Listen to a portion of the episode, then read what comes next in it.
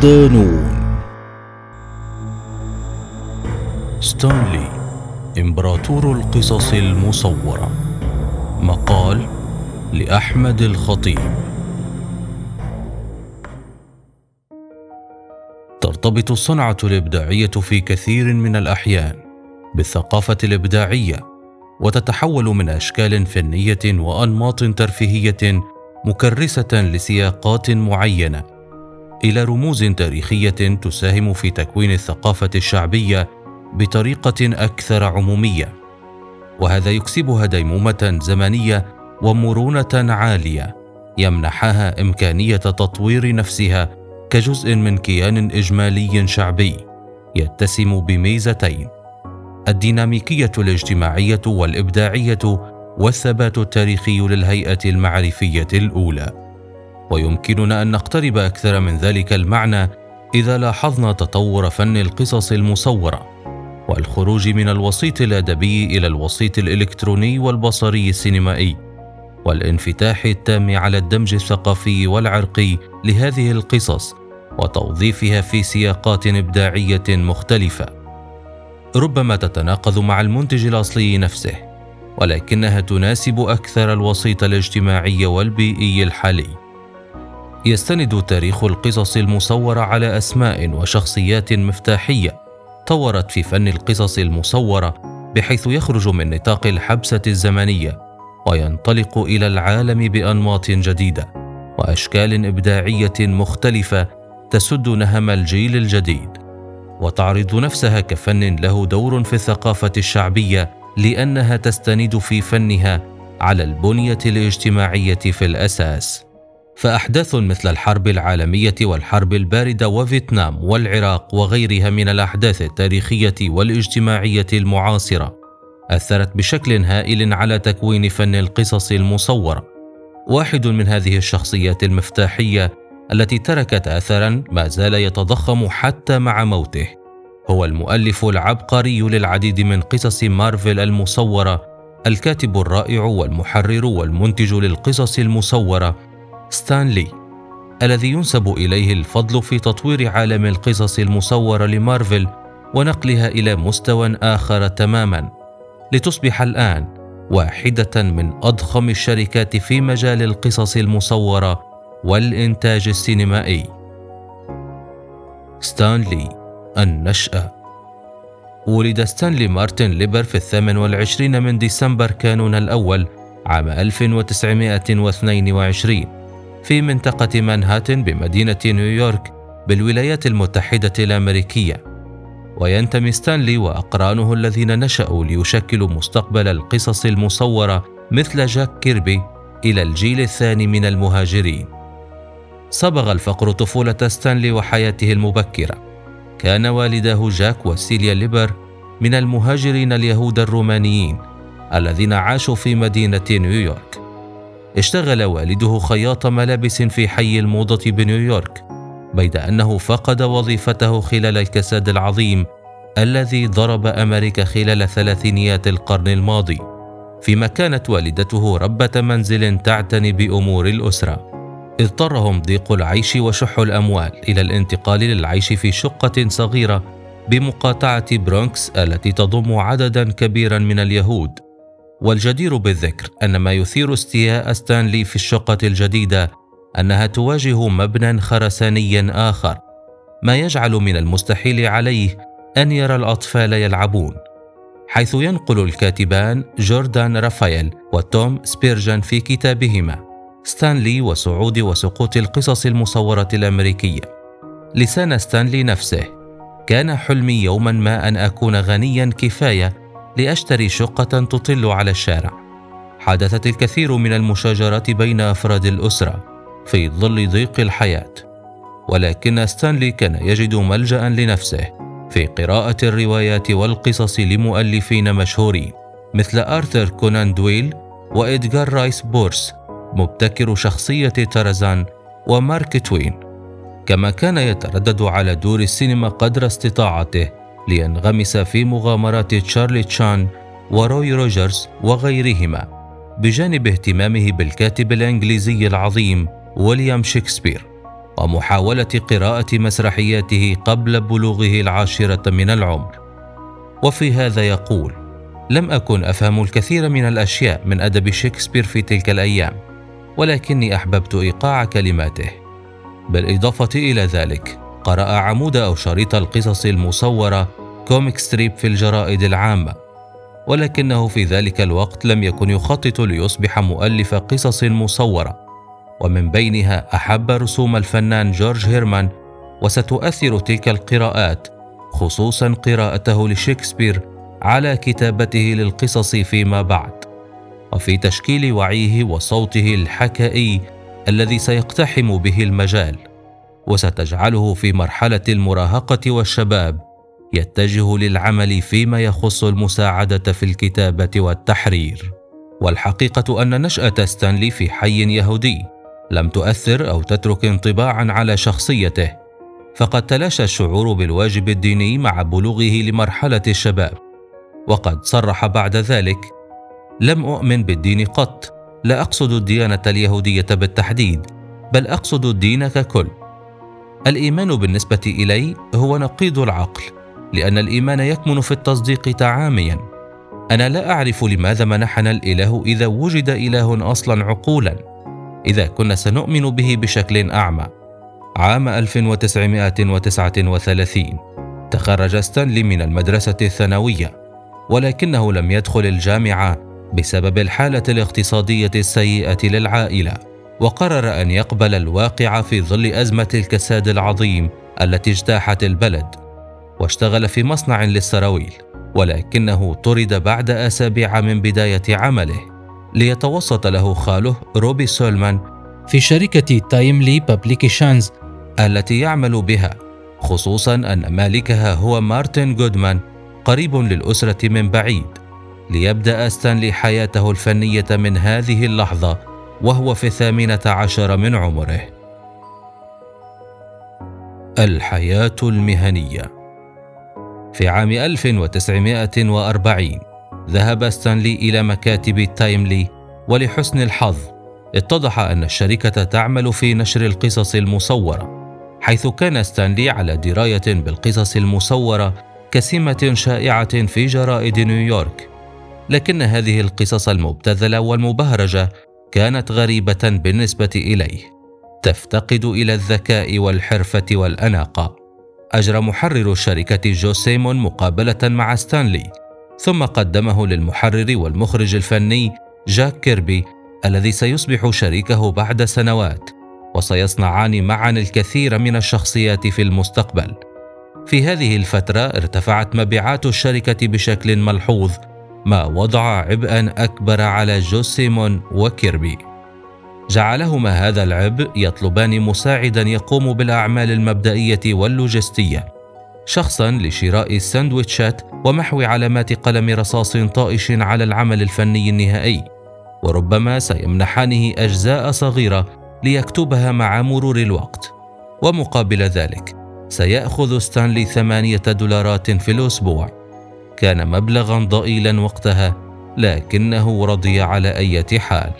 حتى عام 1941 لم ينشر ستانلي أي قصة باسمه وكان عمله مقتصر على المساعدة ولكنه في العام نفسه خرجت شخصية كابتن أمريكا وحققت نجاحا كبيرا وكان الطلب عليها هائلا. فطلب منه سيمون وكيربي أن يصنع قصة جانبية أو ما يمكن تسميته بالحشو وهي قصص جانبية لا تؤثر في أحداث القصة الأساسية ولكنها تخلق بغرض سد نهم الجمهور بحيث يظل مرتبطا بالسلسلة بجانب المكسب التجاري. وهكذا ظهرت أول قصص ستانلي ليس باسمه الأصلي ولكن باسمه المستعار ستانلي الذي سيتخذه كاسم رسمي بعد سنوات ويتخلى عن اسمه الأصلي. ويقول عن هذه النقطة إنه أراد توفير اسمه الحقيقي لقصصه ورواياته عندما يصبح مشهورا.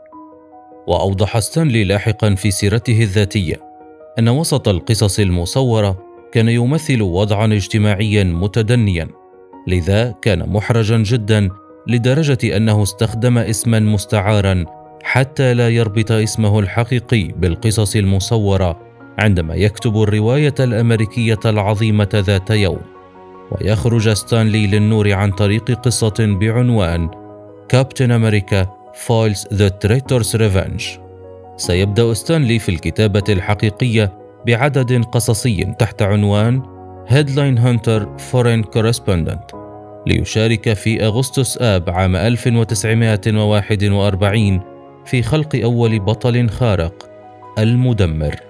The Destroyer. نشر بالعدد السادس في Mystic Comics وبعدها شارك في خلق شخصيات عديدة تنتمي إلى العصر الذهبي للقصص المصورة مثل جاك فروست و Father Time في العام نفسه سيغادر جو سيمون وجاك كيربي بعد خلاف مع جودمان لتحدث المعجزة ويعين مارتن جودمان رئيس الشركة ستانلي كمحرر مؤقت للشركة. وهو لم يتجاوز التاسعة عشر من عمره. ليبدأ فصل جديد من حياة ستان. سيصنع فيه الكثير من الإنجازات الإبداعية العظيمة التي ستنقل الشركة ذاتها إلى مكانة أخرى. الحرب العالمية.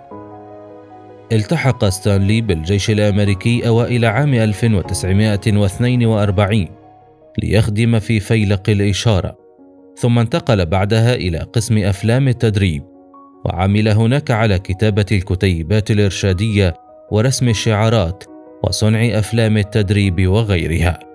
ومن حسن حظ ستانلي أن فيلقه احتوى على عدة شخصيات ستصبح مستقبلا من نجوم المجتمع الأمريكي مثل المخرج الأمريكي العظيم فرانك كابرا الحائز على ثلاث جوائز أوسكار ورسام الكاريكاتير تشارلز آدمز كما منح ستانلي فور خروجه من الجيش عضوية فخرية في الكتيبة الثانية من فوج المشاة الأمريكي الثالث تقديرا لجهوده وخدماته للجيش خلال فترة الحرب. لم يتوقف ستانلي عن العمل أثناء فترة الجيش فقد تلقى رسائل من محرري تايملي يوم الجمعة من كل أسبوع يشرحون فيها تفصيليا ما يحتاجون إليه. وكان يأخذ لي الطلبات ويرسلها بالبريد يوم الاثنين التالي. ويحكى أنه في مرة من المرات تجاهل عمدا موظف البريد رسالته الواردة من تايملي ولم يكن ستانلي على استعداد لتفويت أي رسالة. فعاد إلى مقر البريد ورأى مغلفه موضوع في الصندوق ومختوم بالإرجاع. فطلب من الضابط فتح الصندوق لكنه لم يوافق. فاحضر مفكا وفك مفصلات الصندوق وأخذ المغلف ليحوله الضابط إلى الرقيب الذي لم يكن يحبه وكان على وشك أن يزج به في السجن ليتدخل العقيد المسؤول عن القسم المالي وينقذ ستانلي من الإجراءات التأديبية. صعود مارفل بعد خروجه من الجيش كتب لي قصصا في أنواع مختلفة بما في ذلك الرومانسية والويسترن والفكاهة والخيال العلمي ومغامرات العصور الوسطى والرعب وغيرها.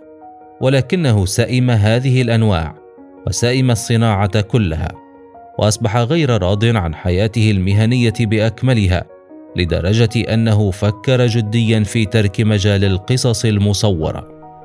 بيد أن تلك الفترة ولحسن الحظ كانت تتزامن مع ابتكار المؤلف يوليوس شوارتز لفرقة العدالة الخاصة بشركة دي سي والتي حققت نجاحا منقطع النظير ليكلف جودمان محرره ستانلي بخلق فريق أبطال خارقين على غرار فرقة العدالة. كان هم جودمان الدائم هو المال والنجاح التجاري ولم يهتم بجودة المنتج طالما سيجلب أرباحا. عكس ستانلي الذي كان في ذلك الوقت على وشك ترك المجال بالكامل وتغيير مهنته. لولا نصيحة زوجته الأخيرة بالتجربة النهائية فهو لم يكن لديه شيء ليخسره وقد نجحت في إقناعه ليعود ويخلق فرقته الخارقة التي ستغير كل شيء. قصة المذهلين الأربعة Fantastic Four بالاشتراك مع الفنان جاك كيربي. منح ستانلي نوعا من الفرادة لشخصيات فريقه الخارق حيث أعطاهم ميزة ارتكاب الأخطاء عكس النمذجة المثالية المكتوبة سابقا خصوصا الموجهة لجمهور القصص حيث قبل ذلك كان معظم الأبطال الخارقين اشخاصا مثاليين كأشخاص وكأيديولوجيا بيد أن لي خلق شخصيات طبيعية ومعقدة تصاب بنوبات من المزاج السيء والكآبة والغرور لدرجة تجعلهم يتشاجرون فيما بينهم. لم يفصلهم عن العالم سواء اجتماعيا أو حتى اقتصاديا فنجدهم قلقون بشأن دفع فواتيرهم وإثارة إعجاب صديقاتهم يصيبهم الملل أو حتى المرض الجسدي في بعض الأحيان. حصل المذهلون الأربعة على شعبية هائلة جعلت الشركة تضع ثقة كبيرة في ستانلي لينشئ بالاشتراك مع عدة رسامين الكثير من الشخصيات الأيقونية لمارفل.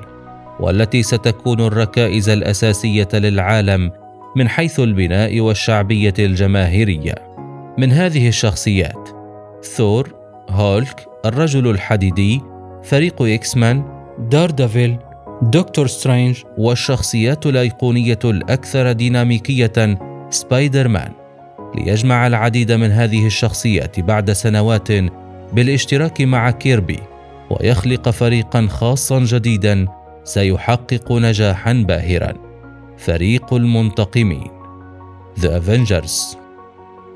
وسيعيد الاثنان إحياء شخصيات من الأربعينيات مثل سوب مارينر وكابتن أمريكا. كانت ثورة شركة مارفل المتمثلة في ستانلي وشركائه الإبداعيين على معايير ال comic. أشبه بثورة الموجة الفرنسية الجديدة على معايير السينما. كما يقول مؤرخ القصص المصورة بيتر ساندرسون موضحا أن مارفل تملك الريادة في محاولة إيجاد أسلوبية جديدة لسرد القصص واختيار مواضيع أكثر جدية. والحقيقة أن تأثير ستانلي تخطى التقنية الفنية وابتكار الشخصيات ووصل إلى الأشياء الصغيرة مثل الأسماء التي تكتب على غلاف القصة المصورة. فمن المعروف أن اسم الكاتب هو فقط من يكتب على الغلاف ولكن كان يكتب أسماء المساعدين أيضا مثل الشخص المسؤول عن الكتابة والمسح والشخص الذي يهتم بالأمور العادية مثل تعبئة الأقلام بالحبر. وهذه الأشياء الصغيرة ساهمت في صنع رابطة بين قصص مارفل وجمهور القصص المصورة. الفصل الأخير. في عام 1972 تولى ستانلي دور الناشر الذي كان يتولاه جودمان سابقا وتوقف عن كتابة الأعداد الشهرية من القصص المصورة لانشغاله بوظيفة النشر. وتوقف عن كتابة الأعداد الشهرية من القصص المصورة لانشغاله بوظيفة الناشر وأضحى أشبه برئيس صوري للشركة وجها مألوفا للجماهير. يلقي المحاضرات في الجامعات ويمثل مارفل كوميكس في أغلب المؤتمرات والتجمعات. لقد أصبح وجها للشركة رمزا لا يمكن فصله عن مارفل. سينتقل إلى كاليفورنيا عام 1981 في مهمة تطوير رؤية مارفل التلفزيونية والسينمائية ليعرفه جمهور السينما كضيف شرف في أغلب أفلام شركة مارفل بداية من عام 1989 خلال ذلك كان يعود لكتابة بعض أعداد القصص المصورة. والجدير بالذكر أن ستانلي تولى رئاسة مارفل كوميكس بأكملها لفترة وجيزة لكنه تنحى مرة أخرى ليمسك منصبه القديم كناشر لأن كونه رئيسا كان عليه أن يتعامل بالأرقام ويقلق بشأن التمويل وهذا سيبعده عن العملية الإبداعية نفسها. في التسعينيات توقف ستانلي عن تأدية عمله كناشر ولكنه ظل يتلقى راتبا سنويا يقدر بمليون دولار كرئيس فخري للشركة. وبعدها دخل في عدة مشاريع قصيرة المدى ودوامة من القضايا التي كانت ترفع ضد شركة مارفل بسبب حقوق الشخصيات توفي ستانلي في الثاني عشر من نوفمبر تشرين الثاني عام 2018 عن عمر يناهز الخمسة والتسعين عاما في مركز سيدار السيناي الطبي في لوس أنجلوس وحرقت جثته بعد موته واحتفظت ابنته برماده.